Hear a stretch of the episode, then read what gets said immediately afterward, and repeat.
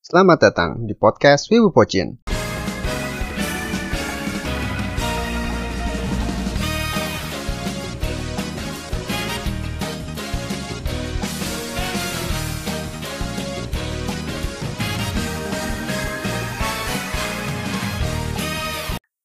One Piece chapter 990 dengan judul Lone Force. 10 chapter lagi nggak nggak kerasa 10 chapter lagi kita akan sampai ke uh, milestone gitu ya. Sebuah pencapaian yang jarang bisa dicapai oleh mangaka mana pun di mana bentar lagi kita bakal um, menyaksikan chapter 1000 dari One Piece. Kalau nggak 990 10 chapter lagi dan ya sebenarnya walaupun 10 chapter secara uh, nunggunya masih lama sih karena seminggu kan satu chapter. Belum lagi Oda Sensei um, suka ada ngambil break kan tiap dua minggu ya maksimal tiga minggu lah. Jadi anggaplah sebulan cuma tiga chapter. Um, tiga bulan sembilan chapter terus uh, bulan keempat baru baru deh chapter um, seribu.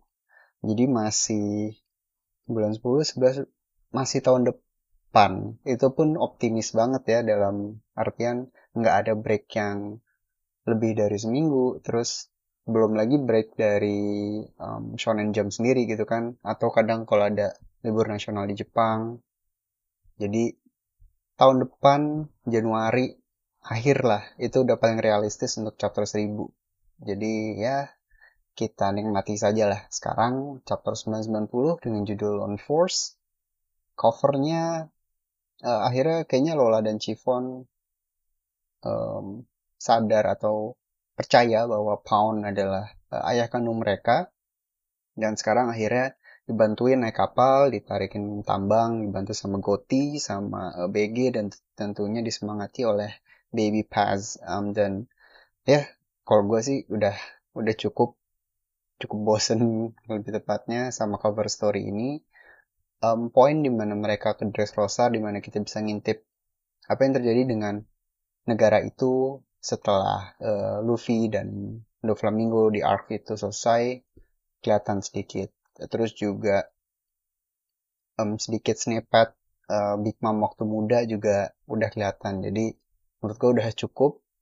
Kita bisa wrap up story ini terus lanjutlah yang lain atau mungkin kayak uh, cover story yang request pembaca juga itu boleh lah asal ini cepetan selesai anyway kita masuk ke chapternya di mana bisa dibilang chapter ini tuh fokus pada Flying Six alias Tobiropo yang cuma jadi figuran beberapa chapter lalu.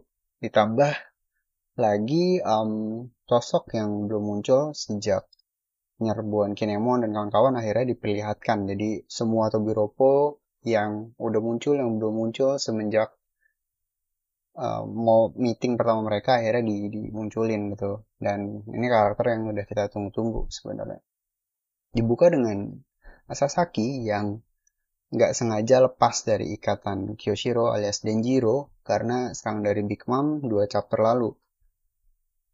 Jadi kalau kita ingat dia diikat sama Denjiro dan dia nggak tidak tidak sadar gitu. Karena karena yang dia tahu Kyoshiro adalah temannya. Bahkan di chapter ini di reiterate lagi bahwa Kyoshiro itu um, it was it was my closest friend gitu kan. Teman terdekat gue sahabat terbaik gue jadi dan kalau menurut gue sih um, reaksi dia cukup chill maksudnya di dikhianati sama Kyoshiro dan walaupun dia udah bilang bahwa I'll make sure he pays for betraying me um, reaksinya cukup chill juga gitu jadi uh, gimana ya mungkin memang karakternya seperti itu tapi gue gak melihat dia dendam banget banget sih jadi sebenarnya dan kalau emang mereka benar-benar teman baik, apakah malah justru nanti Sasaki mau bantuin Kyoshiro gitu?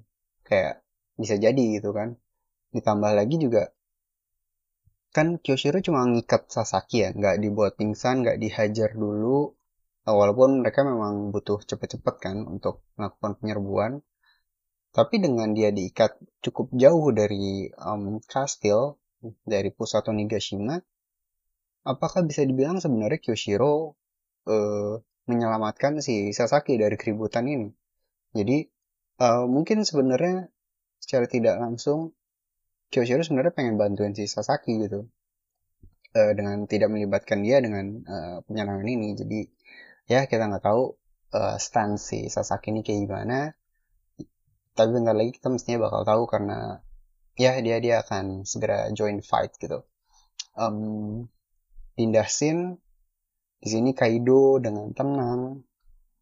Memperlihat memperlihatkan ya mengawasi medan perang di depan dia uh, sebenarnya dia nggak peduli sama medan perangnya karena di situ um, para gifters ada numbers juga dan Jack sedang berperang sengit dengan anak buah um, Inuarashi dan Nekomomoshi, para pasukan Minx yang telah berubah menjadi wujud sulong dan ya mereka uh, berperang. Udah benar-benar udah bertarung. Di sini Jack pun udah jadi mamot dan dia cukup luka parah gitu walaupun di keadaan yang yang chaos ini uh, ternyata Kinemon dan Aza kayak Nine, sorry, Akaza yang Nine yang lain cuma um, memandang Kaido dengan tenang, sama seperti halnya dengan Kaido, dan mereka berdua ini jadi kayak um, kayak kayak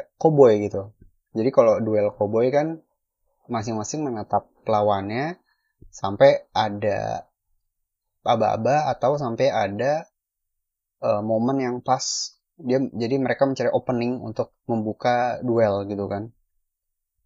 Jadi mereka saling menunggu momen yang terbaik untuk melakukan serangan pertama di mana di sekitar mereka para Mings sudah bertarung dengan uh, anak buah Kaido. Dan di sini nampaknya Kinemon akan menjadi uh, pembuka serangan tapi tiba-tiba dihentikan oleh dua sosok uh, siluet yaitu Inuarashi dan Nekomamushi yang telah berubah menjadi wujud sulong juga. Sayangnya mereka masih uh, dibuat siluet gitu deh sama Oda, jadi masih disimpan-simpan nih uh, hype yang udah di udah di di tease dari tiga chapter lalu. Tapi sampai sekarang kita masih belum dikasih lihat. Dan ya kalau dari siluetnya doang sih uh, si Neko nggak nggak beda jauh ya dari dari wujud biasanya. Cuman Inu kelihatan banget sih uh, hidungnya jadi lancip gitu kan gigi gigi taringnya juga jadi mirip uh, serigala gitu. Anyway mereka berdua nahan Kinemon untuk memulai serangan dan tiba-tiba mereka menerjang maju. Mestinya sih menerjang majunya ke Kaido tapi di sini ada panel sebelumnya memperlihatkan Jack yang kayaknya dia tahu bahwa mereka berdua akan menyerang jadi tebakan gue adalah Jack akan menghentikan mereka berdua yang artinya kita akan melihat sebuah revenge match antara Raja Siang dan Raja Malam Kerajaan Zou dengan uh, Jack the Drug. Jadi ini um, menurut gue bakal jadi pertarungan yang seru karena ada sentimen di baliknya gitu kan ada ada ada makna di baliknya di mana um, mereka berdua tangan dan kakinya putus setelah disiksa oleh Jack dan anak buahnya gitu. Tambah juga negara mereka hancur karena si Jack juga. Jadi menurut gue ini akan menjadi um, pertarungan yang cukup seru sih. Sementara itu mestinya uh, Kinemon dan yang lain bisa memulai serangan terhadap Kaido Well, kita masih perlu menunggu itu terjadi juga sih dan kayaknya nggak bakal langsung di chapter depan juga karena halaman berikutnya kita udah pindah scene lagi. Queen di sini kita melihat dia makin heran karena uh, gerombolannya Luffy dan Hyogoro yang mestinya semuanya uh, aman terkendali di penjara Udon ternyata malah ada di sini semuanya gitu dan uh, dia dia dia karena dia nggak tahu kan kalau si Babanuki sudah dijinakan oleh Otama dengan buah iblisnya. Dan um, nggak nggak tahu ya ini udah mungkin udah kedua atau ketiga kalinya Queen pointing out um, hal ter hal ini gitu kan karena mungkin dia juga bingung gitu kenapa bisa lolos dan si Babanuki uh, diapain gitu sampai bisa ngomong kayak gitu sampai bisa dianggap rianat ya dalam tanda kutip.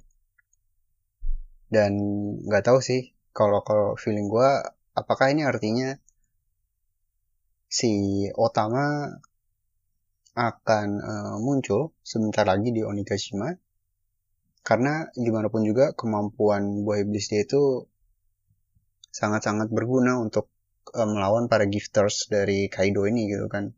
Kan buah iblisnya bisa bikin kue dango dari pipinya kasih makan terus nanti binatang atau manusia setengah binatang nanti bisa jadi jinak sama si Otama jadi um, I don't know cuman kalau kalau dia muncul ya mungkin ini adalah salah satu bibit-bibit foreshadowing dari si Oda. Anyway, King setelah ngatain ngatain Queen seperti biasa, mereka ini five emang kayak Zoro dan Sanji banget sih, cuman um, ya kurang kurang berantem fisiknya aja lah gitu kan. Kalau Zoro sama Sanji kan suka tiba-tiba ngadu tendangan sama pedang gitu. Anyway, King uh, memanggil semua Tobiropo dengan Dandan Mushi dan um, di sini tiba-tiba pindah scene lagi akhirnya akhirnya kita melihat uh, Drake ex Drake yang bisa dibilang gue paling penasaran gitu karena dia paling lama nggak muncul dan mestinya dia paling punya apa ya dia paling punya plot lah. Kita udah tahu karakter dia dari lama dan ternyata dia bahkan punya identitas rahasia sebagai agen agen rahasia dari angkatan laut gitu kan dari pasukan khusus Sword dan uh, ditambah lagi um, dibanding dengan supernova yang lain bisa bilang X-ray posisinya yang paling tinggi di, di dibanding ya semua supernova yang ikutan di perang Wano ini gitu kan. Um, dia akhirnya ya udah kita ngeliat dia lagi dan uh, dia ternyata sama Hawkins. Dan dan mereka membicarakan sesuatu yang bisa dibilang uh, cryptic yang uh, penuh penuh tanda tanya gitu kan. Maksudnya apa gitu. Jadi uh, tiba-tiba dia ngajakin Hawkins buat membelot atau berkhianat dengan alasan bahwa eh ini kan lagi kacau banget nih kayaknya kalau lu berkhianat ini momen yang tepat gitu kan dan dan si Hawkins kayak oh, sorry aja ya gue gue nggak semudah itu di, di dibohongin gitu. Um, entah apa ini artinya Hawkins tahu identitas Drake yang sebenarnya. Tapi yang jelas uh, Hawkins itu udah mestinya dia udah aware kalau Drake itu ngebantuin Lau untuk kabur dari Flower Capital. Di mana um, ya karena mereka emang gimana ya kan si Hawkins interogasi Lau. Dan itu memang mereka lagi satu grup kan si Hawkins sama Drake.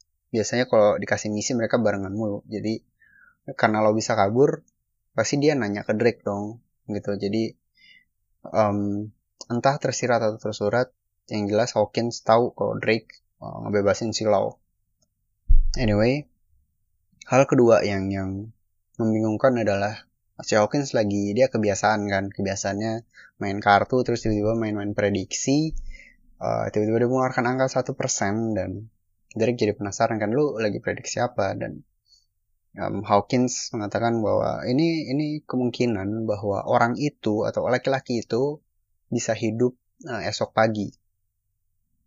Drake sendiri kayak satu persen doang jadi kasihan gue sama dia dan sebelum kita tahu kelanjutan dari um, pembicaraan itu uh, dipotong karena dia harus uh, angkat telepon dari King. Nah, uh, mungkin kita coba bahas ini dulu gitu kan. Ada seorang pria yang diprediksi kemungkinan hidupnya esok pagi dan angkanya cuma satu persen alias kecil banget gitu kan. Jadi siapa gitu kan? Kalau kalau simpelnya mungkin mungkin kalau gue tebakan paling simpel Kaido. Karena ini dengan asumsi keasumsi di mana mereka udah jadi satu kubu yang artinya uh, ditambah lagi si uh, Drake juga membicarakan uh, pengkhianatan. Jadi mereka sudah nggak di kubu Kaido. Kalau kalau dengan asumsi tersebut jadi yang diprediksi siapa? Ya orang yang sedang diincar sekarang yaitu Kaido terus um, cuman ya tentunya bagi seorang Yonko yang yang luar biasa kuat satu persen kok kayaknya kecil banget dan responnya nggak nggak make sense gitu.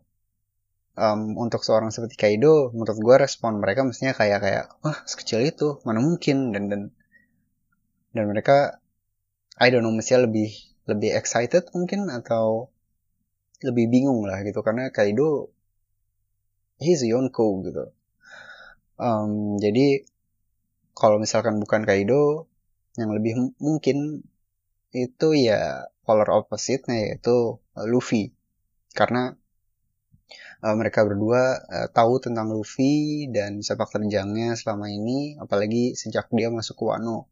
Um, dan secara angka mas lebih masuk akal gitu karena tantangannya berat, berat banget kan. Dia menyusup ke markas Yonko yang kebetulan lagi aliansi dengan Yonko lainnya. Itu kan sangat-sangat tidak mudah. Jadi respon Drake sendiri yang yang nampak kasihan jadi jadi masuk akal menurut gue jadi um, kalau nggak Kaido, Luffy atau entahlah karakter lain yang kita belum tahu yang mungkin yang mungkin uh, akan jadi suatu plot twist ke depannya.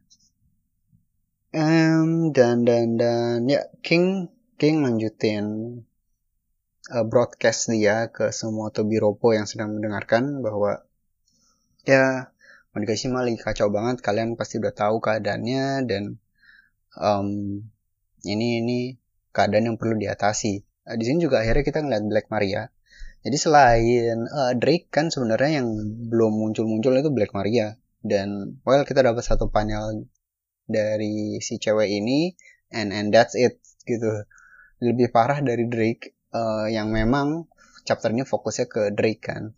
Di sini Black Maria cuma dapat satu panel terus ya udah jadi lebih sekarang fokus misterinya lebih ke ke Black Maria nih dia dia ke mana setelah dia nemenin Kaido terus tiba-tiba dia well hilang aja gitu kan.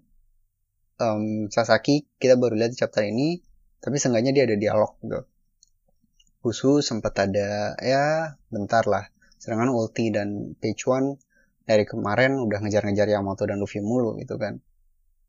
Jadi gue agak penasaran nih Black Maria ini um, lagi di mana dan ngapain.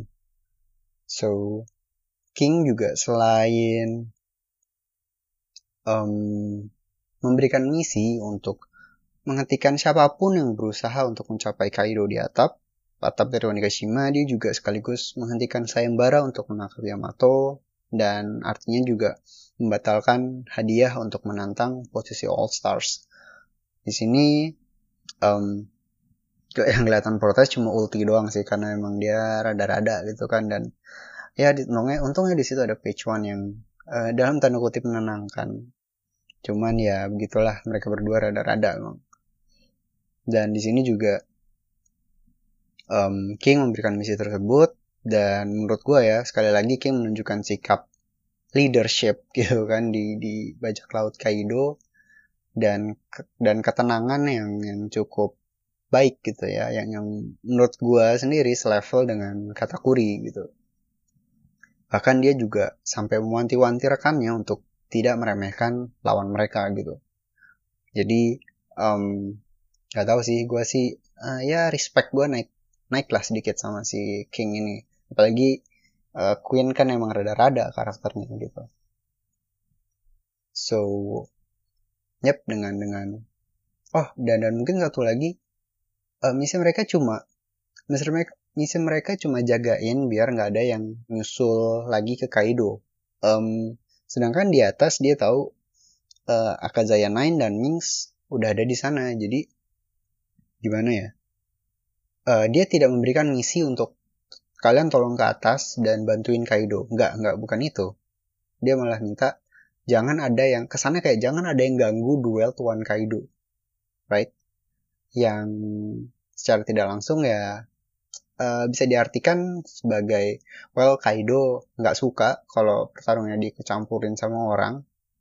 Dan well mungkin mereka semua tahu kalau eh, Kaido emang demen demen bertarung jadi dan di saat yang bersamaan juga mereka yakin bahwa Kaido pasti menang gitu. Jadi mungkin kita fokus sama yang lain aja nih.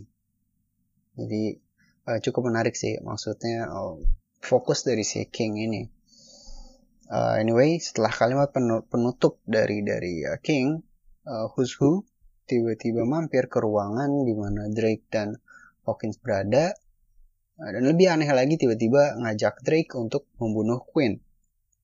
Um, sejak sejak meeting antara Toby Ropo dengan All Stars, sebenarnya kan ini udah di set up gitu di mana uh, para Toby Ropo pengen nantangin All Stars dan dan ternyata ada yang punya dendam, dendam personal juga gitu, ada yang ingin diincar gitu kan.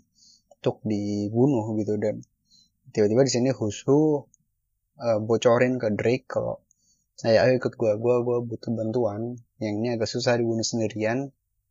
Karena gue mau bunuh Queen. Apa namanya? Uh, sendiri kayak menolak gitu kan. Karena uh, with with the logical point of view kayak uh, kita lagi ribet ngapain kita malah berantem lagi? Kita nanti malah ngurangin kekuatan sendiri. Dan si khusus kayak ah bodo amat. Dia dia juga beban doang kok di sini kayak gitu. Dan dan Drake masih kayak eh males lah gitu. Um, sementara itu Hawkins I don't know masih masih mainan kartu. Dan well setelah itu jadinya pindah scene lagi dan ya kayaknya uh, kita break dulu untuk untuk pindah ke scene berikutnya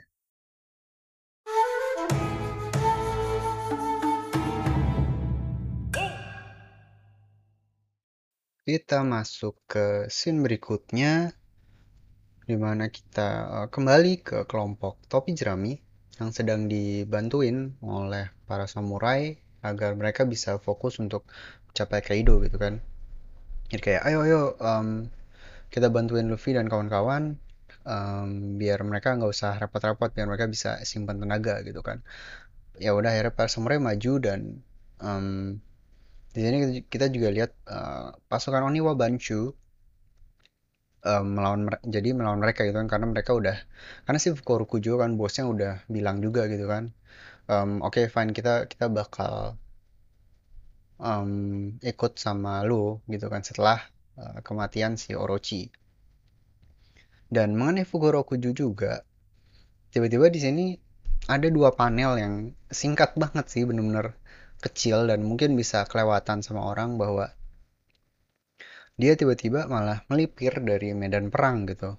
Dan si um, pemimpin si Mim Mimawari Gumi uh, gue lupa namanya dia dia bingung kayak ah ke mana nih orang? Gitu kan orang lagi perang juga. Dan detail-detail yang sangat kecil tapi gue yakin ini akan jadi penting ke depannya. Ini ini adalah sebuah foreshadowing dari sesuatu gitu. Dan sesuatu itu adalah berhubungan dengan yang gue udah bilang sebelumnya di mana gue yakin banget uh, Orochi itu belum mati sebenarnya.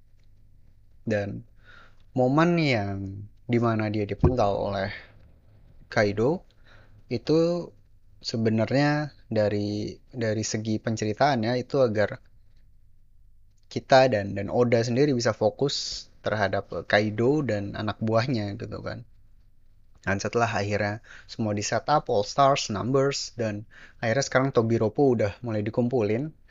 Mungkin kayak udah berpikir kayak, oh ini saatnya gue mainin kartu gue yang lain nih. Dan dan kartu itu adalah Orochi. Jadi tebakan gue si Fukurokujo ini sedang menyelinap untuk menemui Orochi yang ya masih hidup gitu. Atau atau mungkin perlu melakukan sesuatu dulu. Jadi uh, perlu ada sesuatu yang dilakukan untuk dalam tanda kutip menghidupkan kembali si shogun korup ini. Hence dia uh, melipir dulu gitu kan. Jadi dia cari tempat yang aman untuk either uh, ya merevive si Orochi atau ya cuma untuk regroup aja dan kayak oke okay, what's our next plan? gitu sama Orochi um, walaupun ya gue nggak entahlah gue nggak yakin dia bakal menjadi tipe orang yang oke okay, orang yang apa ya orang yang berencana gitu Um, karena dia kan cuma pengen balas dendam sama sama klan Kozuki dan dengan negara Wano secara keseluruhan gitu. Jadi gue nggak sebenarnya gue nggak lihat kayak oh gue pengen balas dendam sama si Kaido gitu dan I don't know he, he doesn't have the power anyway. Jadi entahlah tapi yang jelas gue yakin si Orochi ini bakal bakal masuk ke medan perang lagi sih.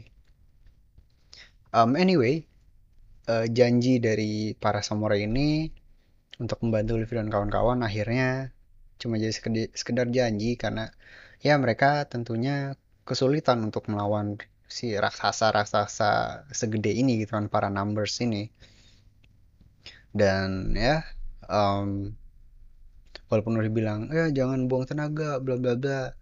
Uh, begitu digoyang satu sama godam raksasanya si Juki eh Goki. Namanya aneh banget. Sama si Goki ya ya mereka bisa apa gitu kan dan well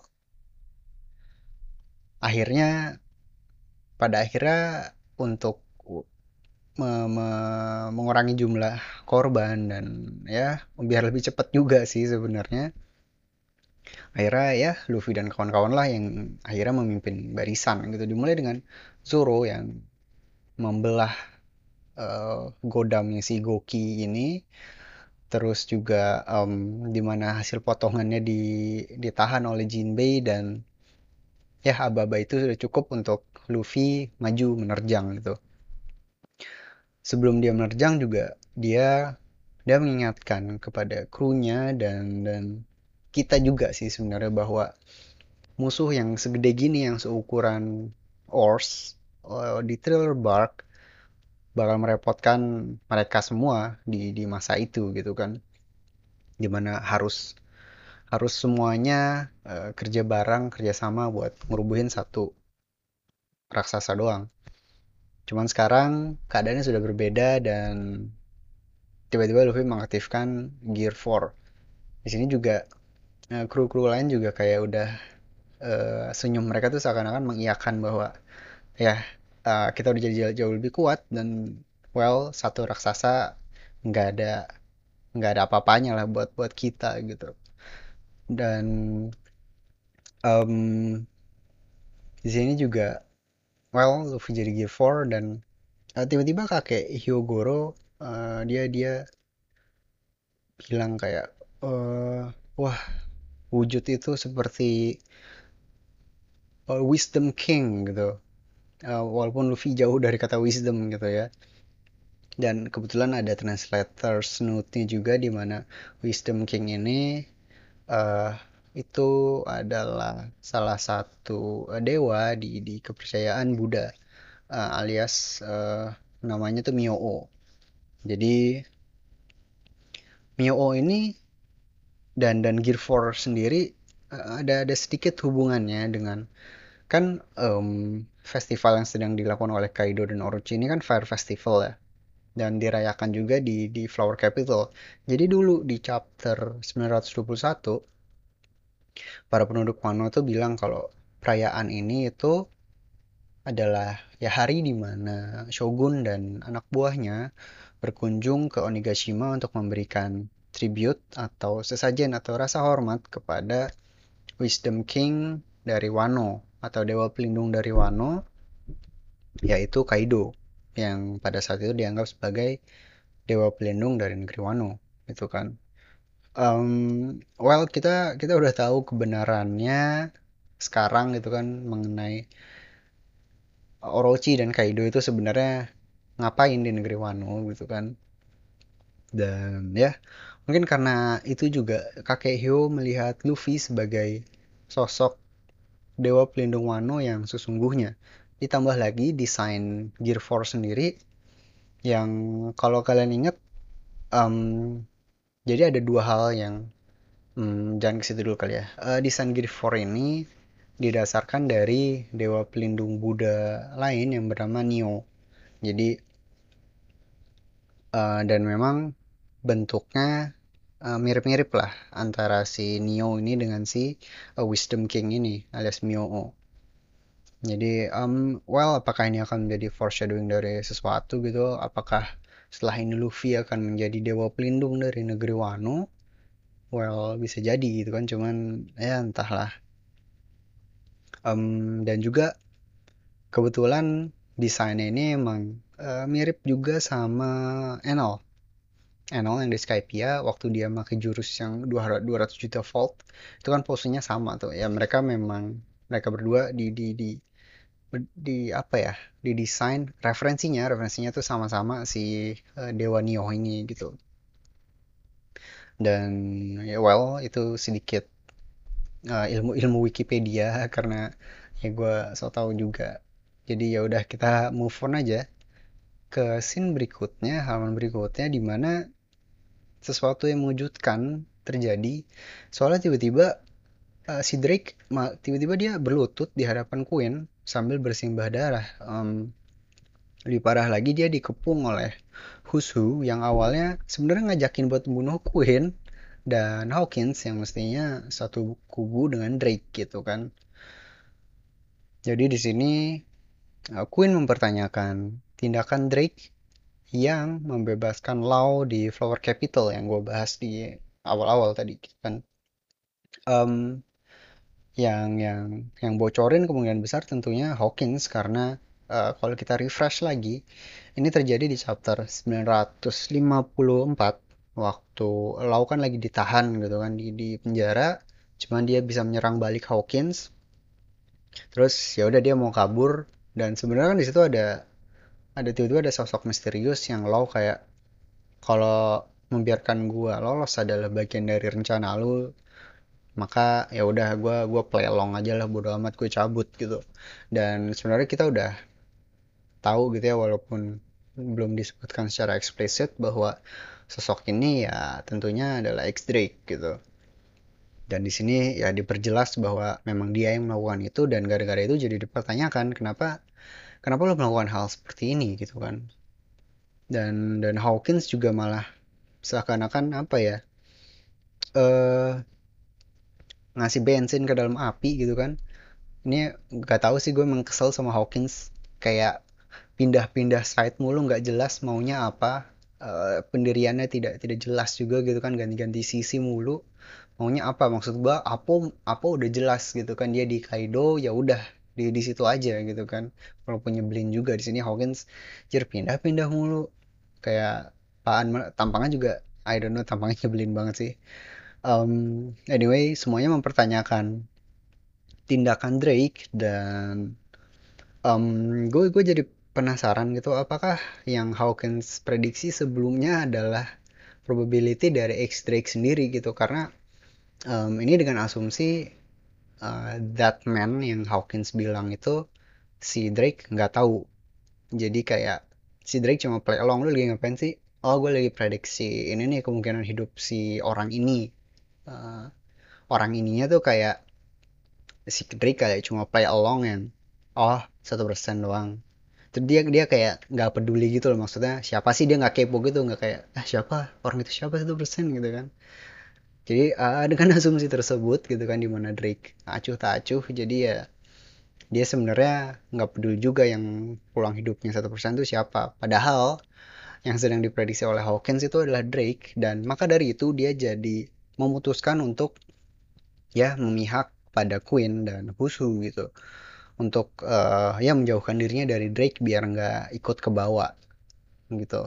Karena memang well dia cukup pragmatis sih um, waktu pertama dijebak sama Apo dan Kaido kan nggak seperti Kid dan Killer yang yang mencoba lawan Kaido dulu dia ya udah dia langsung nyerah dan oke okay, gue jadi anak buah lu aja gitu kan sampai sampai sekarang gitu.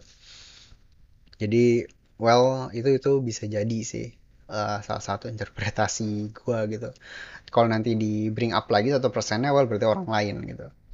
Uh, anyway um, dengan dengan keadaan keadaan yang sangat sangat terdesak ini uh, si Drake sendiri kayak wah gue udah udah nggak bisa nih gue udah ketangkep basah nggak gue nggak punya kalimat pembelaan lagi gue nggak punya alibi um, dan gue nggak bisa ketahuan gitu. Dan well akhirnya dia kabur. Dia kabur dan uh, Hus Hu sendiri kayaknya memang ngebohongin Drake sih. Jadi um, apa namanya intrik atau konflik antara Queen dan Husu ini kayaknya memang settingan gitu kan. Karena ada di uh, satu atau dua chapter lalu di mana Queen kayak ngeliat apa namanya ngeliat ke panggung terus Queennya ngeliat balik yang awalnya kita kira itu adalah karena kalimatnya Husu juga uh, kita harus fokus mengincar orang ini terus tiba-tiba dia ngeliat ke Queen yang bikin kita mikir bahwa uh, ya Husu memang beneran ngincar Queen gitu dan ditambah lagi Queen juga memang waktu lagi meeting sama Tobi Robo kan dia bilang ya dia juga pengen ngincar seseorang gitu pengen dia singkirin. Ada satu orang yang pengen dia singkirin malam ini. Uh, si Queen announce kayak gitu kan. Dan ya ternyata itu semua settingan Husu dan Queen berbohong untuk mengelabui Drake. Dan ya target sebenarnya adalah Drake Drake gitu kan XCX Drake. Jadi well uh, so so that's there's that. Dan um, entah kenapa harapan gue jadi bertumbuh sama Sasaki untuk untuk untuk membelot gitu. Um, well Drake kabur dan dia dia bingung kayak gue bisa kabur ke mana dan apakah gue mundur aja balik ke angkatan laut ke Swords. Tapi dia bilang bahwa kerjaan gue belum kelar ada ada masih ada yang perlu gue selesaikan di sini gitu kan. Jadi um, dia masih harus ya menyelesaikan misinya yang sebenarnya kita jadi makin penasaran kan. Misinya nih apa sih sebenarnya? Sesepenting apa gitu kan. Dan dan karena sport ini kita masih belum tahu kan dia berafiliasi dengan Marina Sakazuki alias Akainu atau enggak gitu kan. Um, jadi well cuma bisa berspekulasi sih. Jadi well uh, ini masih masih jauh sebenarnya untuk tahu misi dari si X Drake anyway uh, tempat dia lolos ternyata uh, bersamaan dengan Luffy dan kawan-kawan yang sedang menerjang maju.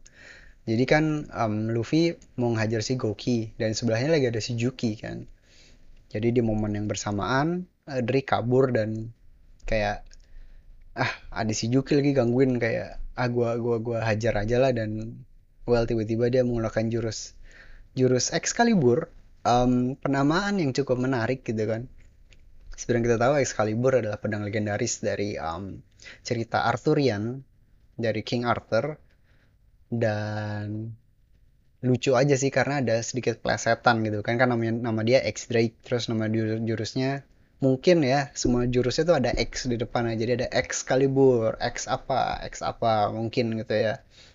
Jadi lucu aja sih. Lucu dan keren sebenarnya sih. Nama jurusnya Excalibur gitu um, anyway dengan satu serangan uh, X Drake mengalahkan Juki dan di sebelahnya ada Luffy yang mengeluarkan Kongan yang juga mengalahkan uh, Goki. Uh, sebelum masuk ke panel-panel berikutnya uh, di sini Luffy tiba-tiba nggak tahu sih menurut gue sih tiba-tiba mengeluarkan gear gear 4 gitu gear 4 Bondman dan dan Kongan. Di mana kayak kok sering banget ya di di arc ini kayak waktu lawan ulti dia mau ngeluarin waktu nyerbu kapal di awal-awal banget tuh yang sama Kit sama Lau dia juga tiba-tiba gear 4 um, apakah berarti Luffy udah bisa mengendalikan stamina-nya, dia punya pengendalian Gear 4 yang jauh lebih baik, di mana dia bisa well berubah jadi Gear 4 dan dan jadi normal tanpa ada masalah gitu kan. Kan waktu di Dressrosa ribet banget tuh kayaknya Gear 4 yang Luffy. Um, atau ya power scaling atau ada masalah power scaling aja nih si Oda kayak well belum apa apa Gear 4 belum apa Gear 4 gitu kan. Um, yang yang bikin gue berpikir ya kalau mau berpikir yang baik-baik ya itu tadi Luffy stamina udah meningkat dan Gear 4 bukanlah senjata rahasia lagi yang membuat gue berpikir juga atau berharap gitu bahwa masih ada satu teknik rahasia lagi dari Luffy yang belum keluar yang baru akan dia tunjukkan nanti waktu melawan Kaido. Apakah itu Gear 5 atau yang lain I don't know. Tapi ya boleh lah ya berharap gitu kan. Anyway um, Drake tiba-tiba teringat sama Kobe yang lagi meracunin, lagi ngeracunin atau lagi mengendorse Luffy ke ke Drake. Karena kan weh Luffy Luffy tuh keren banget loh Luffy tuh baik. Dia nggak kayak bajak laut yang lain. Ya, mungkin gara-gara gitu kali ya si Kobe kayak sambil-sambil fanboying ke ke Luffy eh ke Luffy ke Drake. Dan um, walaupun terkesan out of nowhere kan ya kita udah tahu bahwa Drake dan Kobe ini berada dalam satu tim yaitu Sword gitu kan. Walaupun kita belum tahu anggota yang lain kita belum tahu misi mereka apa pemimpinnya siapa dan uh, ya kaptennya Drake sih tapi gue kan ada yang di atasnya lagi. Dan ya uh, itu sebenarnya cukup untuk memberikan poin bahwa Kobe dan Drake udah udah sering ber, ber berinteraksi gitu. Dan um, entah kenapa ya Kobe mengendorse Luffy padahal di di angkatan laut gitu kan. Nggak uh, tahu sih kocak aja. Uh, like Kobe adalah Bartolomeo tapi versi angkatan laut gitu sebenarnya kan. Ditambah lagi ini ya um, interaksi Kobe sama Drake itu kan di di awal Act 2 atau Act 3 gue lupa. Um, waktu di reveal bahwa mereka adalah anggota SWORD itu kan Kobe lagi dalam misi ya. Jadi kan abis referee juga dibubarin makanya kayak angkatan laut bikin statement gitu kan atau mereka bikin power move lah gitu untuk announce ke Chichibukai, woi status lu cabut, lo udah jadi bajak laut biasa dan kita bakal nangkep lo gitu kan. Dan ya dalam misi itu Kobe lagi diassign buat nangkap uh, Boa Hancock. Yang kita tahu uh, ngefansnya mungkin jauh lebih berat dari Kobe.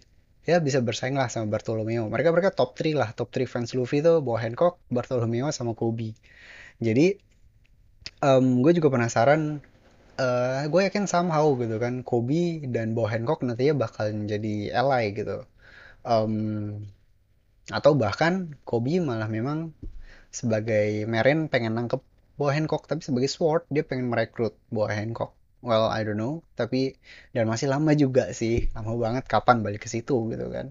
Cuman menurut gue itu yang bakal terjadi. Um, anyway di dalam keadaan yang desperate tersebut dia melihat Luffy dan kayak Luffy hey tapi Jami. Um, gue nggak bisa menjelaskan tapi di sini gue cuma sendirian jadi gue minta tolong bantu gue dan gue bakal bertarung sama lo Luffy-nya kan kayak coba Nani? Dan kayak eh terus kayak bersambung. So that's the end of the chapter. Um, tiba-tiba Drake meminta untuk bergabung dengan Luffy um, ini ini ya sebenarnya udah diduga sih. Maksudnya kita tahu Indian Drake bakal join dengan kubunya Luffy karena dia memang bukan berada di kubunya Kaido kan. Dia dia mata-mata angkatan laut gitu. Dan mungkin gue cuma kaget aja karena momen terjadinya cepat banget. Dan dan nasib Drake yang udah lama nggak muncul tiba-tiba berubah 180 derajat cuma dalam beberapa halaman. Jadi kayak wow kayak everything move so fast in this chapter gitu. Um, jadi um, ya kocak aja sih. Dan uh, Luffy sendiri Luffy um, coba-coba perhatikan gitu ya. Uh, saat dia di New World sama sebelum di New World jadi waktu sebelum di New World kan dia kayak ketemu orang aneh dikit kayak jadi nakamaku nemu orang aneh dikit langsung gabung sama gue yuk. Kayak kayak gitu kan kayak ya sama waktu sama Brook gitu kan tengkorak kayak wah tengkorak jadi nasabah gue yuk ayo gitu tiba-tiba. Terus dan overall di trailer bug itu jadi running gag kan di mana Luffy nemu zombie aneh terus kayak hmm ayo jadi kru gue gitu kan padahal zombie. Um, semuanya diajakin terus semangat banget kan nyari tukang kayu nyari musisi koki gitu kan. Nah, karena emang belum belum ada sih dulu. Terus sekarang malah sekarang malah benar-benar kebalikan. Nah sekarang ada orang join terus dia kayak ah bodo bodo amat gue nggak peduli sama lu gitu. Kayak Bartolomeo Meo yang ngefans kayak bodo amat gitu kan. Uh, bawa Hancock mengikutan bodo amat. Terus uh, ini Grand Fleetnya Luffy kan sebenarnya Luffy nggak mau mereka join gitu kan. Um, dan kami bergabung dengan Sake ini terus kayak ya yeah, whatever gitu. Ya yeah, whatever. Gua gua nggak mau lah di di punya punya bawahan sebanyak ini. Gua nggak peduli. Cuman karena kita berteman kalau lu butuh bantuan gua gua bantuin. Kalau lu mau bantuin gua gua bakal panggil gitu. Jadi um, kan kan gitu orangnya. Luffy jadi berubah gitu kan. Terus eh, waktu ketemu Yamato Yamato kan kayak izin aku ikut denganmu? Terus Luffy kayak eh nggak nggak nggak gue mau ngurus Kaido dulu jangan repotin gue gitu kan. Malah ditolak gitu. Dan, dan sekarang ditambah lagi X-Drake yang kayak izin aku bergabung denganmu. Hah? berubah loh. Ini ini adalah contoh dari karakter development. Sarkasm sih cuman lucu aja gitu. Luffy yang yang semangat banget ngajakin orang dulunya terus sekarang kayak semua orang pengen sekarang nggak nggak nggak nggak apa ya dia nggak ngajak pun orang pada mengikut terus malah dia yang sekarang jadi males. Anyway um, that's the end of the chapter. Minggu depan break ya. Um, kita harus bersabar kayak yang gue bilang tadi kan. Jadi countdown menuju chapter 1000 uh, tidak sesingkat itu bisa empat bulanan sih menurut gue um, terus juga Drake sendiri gue nggak tahu ya let's say let's say Luffy say yes gitu kan. Terus gimana reaksi Nami Sanji dan teman-teman lain yang yang waktu itu diserbu di Flower Capital gitu kan. Kan waktu itu Page One uh, Hawkins sama sama Drake gitu. Terus juga pasti bakal ada pertanyaan kan kayak ngapain lo gabung sama kita? gitu kan. Pasti bakal dipertanyakan kayak kayak dulu lah kayak waktu Lau gitu kan yang belum dipercaya sama sama Straw Hat yang lain terus juga well oh Lau sendiri gitu kan.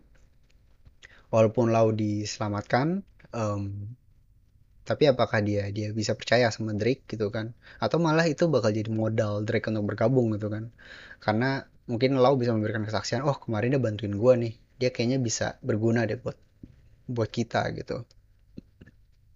Jadi uh, bisa jadi itu itu yang akan terjadi juga. Um, cuman ya ya kita lihat nanti um, bergabung sih pasti bergabung gitu kan. Cuman ya well uh, eh, gue penasaran sih. Dan dan apakah alasan bergabungnya nanti bakal serius dalam artian nanti misalkan Lau dibisikin sama Drake gitu kan. Sebenarnya gue uh, karena karena Lau mestinya kenal dengan Sengoku dan dan ada kis ada apa ya ada masa lalu dengan Corazon juga yang merupakan agen agen rahasia angkatan laut atau malah jadi komedi gitu kan. Misalkan sebenarnya kita tahu semua bajak laut North Blue itu adalah fandom dari uh, Germa 66 jadi uh, kalau kalau mau ke rute komedi ya bisa aja Drake karena wah karena gue ngefans banget sama Stealth Black. Kayak Sanji tolong berubah gitu kan.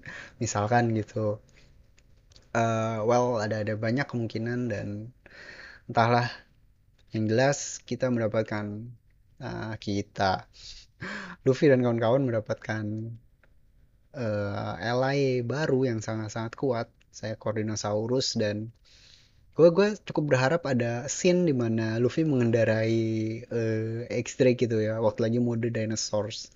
Itu menurut gue bakal keren banget sih. Terus pasti ini kayak Usop sama Chopper yang mata-mata berbinar-binar gitu kan oh dinosaurus. Uh, itu itu be fun. Um, this is a nice addition. And well kita kita tunggu aja chapter berikutnya. Uh, masih banyak yang yang yang perlu di di di di di, di well diceritakan gitu kan di di Wano ini.